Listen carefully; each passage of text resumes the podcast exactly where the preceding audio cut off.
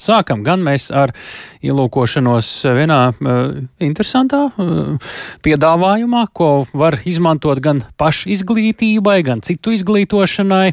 UNESCO Latvijas Nacionālā komisija dāvina erudīcijas spēli par kultūras un dabas mantojumu pasaulē Latvijā, un tāpēc esam piezvanījuši UNESCO Latvijas Nacionālās komisijas pārstāvē Beātei Lielmanai. Labdien! Labdien! Nu, jāsāk ar iemeslu, kāpēc jūs esat radījuši šo spēli. Es saprotu, te ir viena apaļa, apaļa gada diena, un šis ir labs iemesls pievērst tai uzmanību. Jā, šogad sanāk tā, ka ir konvencijas par pasaules kultūras un dabas mantojumu 50. gada diena. Un tieši 16. novembrī, kas ir vakar, ir šis apaļais svinīgais datums noticis. Un tādēļ mēs šogad esam nolēmuši, ka, lai piesaistītu sabiedrības uzmanību šai konvencijai un vērtībām, kas tajā iekļaut, mēs varētu uh, sagatavot tādu, kā, teiksim, tā izklaidējošāku veidu, kā iepazīt šo konvenciju, un tā ir UNESCO Viktorīna. Mm -hmm. nu, ja reiz konvencija, pirms ķeramies eh, klāt tieši pašai Viktorīnai, izstāstam, kā tur kas darbojas un kas tajā ir apmēram ietverts. Ko tad uh, nozīmē šī konvencija? Nu, kaut vai es mēģināšu caur tādu piemēru pajautāt, uh, ko līdz ar šīs konvencijas stāšanos spēkā, nu, 50 gadi ir labs laiks, jau ir izdevies mainīt pasaulē, uzlabot, vai, nu, ir arī gadījumi, ka tieši pretēji saglabāt nemainīgu?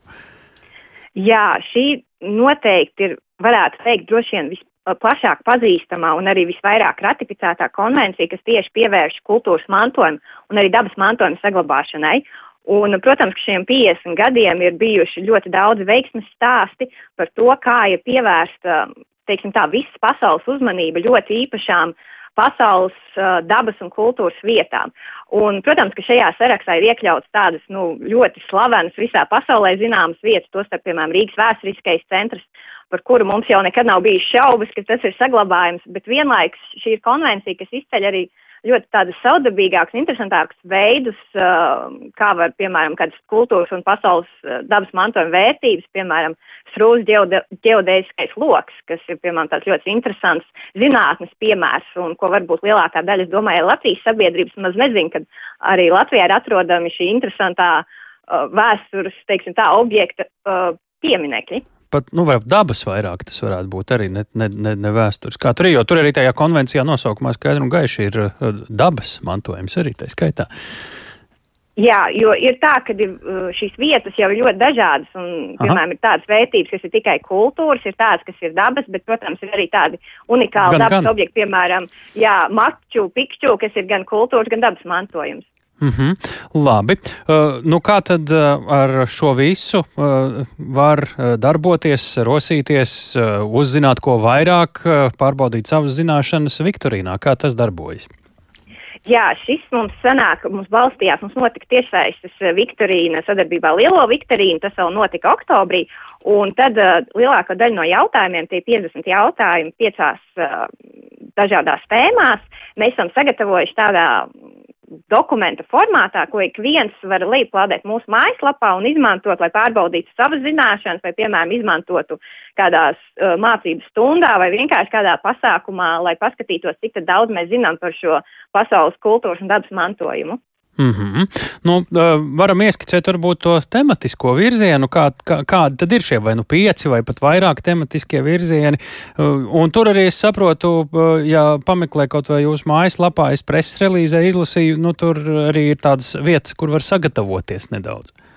Jā, tad mums principā ir piecas kārtas, un viena ir tāda, protams, tāda vispārīgā par pašu konvenciju, nu, dažādiem tādiem faktiem, kas ar viņu saistīti, bet pēc tam mums ir tā tematiski, mums tiek izcēlts gan kultūras mantojuma vietas, gan dabas mantojuma vietas, un tas ir gan pasaulē, uh, gan arī mēs īpaši pievēršamies mūsu Latvijas uh, kultūras un dabas mantojuma vietām, kas iekļauts gan uh, starptautiskajā reģistrā, gan Latvijas nacionālajā reģistrā. Un kā, jā, pareizi jūs jau minējāt, ka mums ir tāda neliela faktu lapa, kur cilvēki var pirms uh, šī šīs spēles izspēlēšanas nedaudz paskatīties, iegūt informāciju, bet arī ļoti daudz jautājumu vienkārši tādu, lai cilvēkos rosinātu interesi un uh, varbūt mēģināt kaut vai tai pašā googlē pameklēt. Tā kā tas ir tāds vairāk uh, nevis, kad ļoti, ļoti uh, viss ir jāsagatavojās un jāzina, bet drīzāk vienkārši iegūt, uzzināt to, cik šis pasaules dabas un kultūras mantojums ir interesants un uzzināt kādus interesantus faktus, ko, piemēram, var padalīties pēc tam ar draugiem. Mm -hmm. Es nezinu, vai mēs nevaram tagad kaut ko nojaukt, vai kādu piemēru laikam nebūtu pareizi prasīt,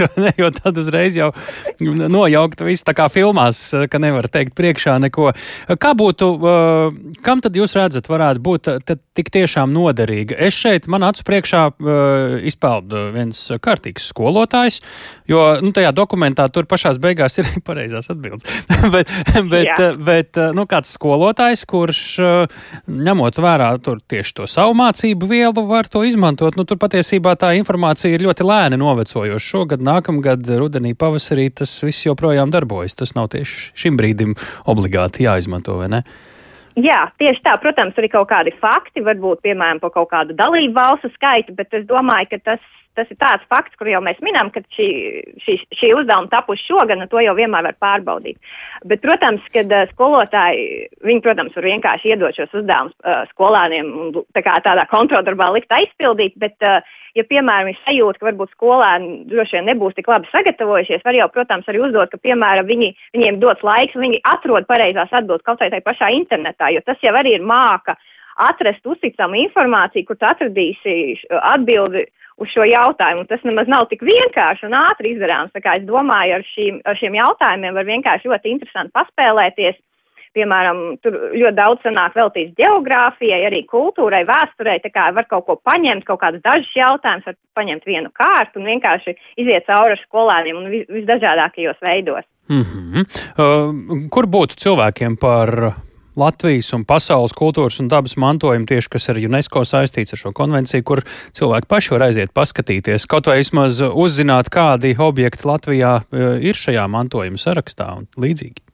Nu, protams, var sākt tieši ar mūsu mājaslapu UNESCO.lv jo uh, tur būs gan atrodami šie uzdevumi, gan tur, kur mums ir šī faktu lapa, kas ir kā, tas veids, kā sagatavoties, tur būs arī saites, kur var plašāk uzzināt tieši par šiem objektiem un, piemēram, uh, saite uz uh, starptautisko sarakstu un uh, UNESCO uh, lielo mājaslapu, un tur var uzzināt šo informāciju. Bet, principā, jā, mūsu mājaslapā ir sadaļas, kas veltīts tieši pasaules mantojumam, un tur tā ļoti, tā tiešām īsi pateikt galvenie fakti, piemēram, kādi objekti ir iekļauti, un tas jau ļoti palīdzētu uh, ne tikai šīs spēles izspēlēšanā, bet vispār mantojuma iepazīšanā.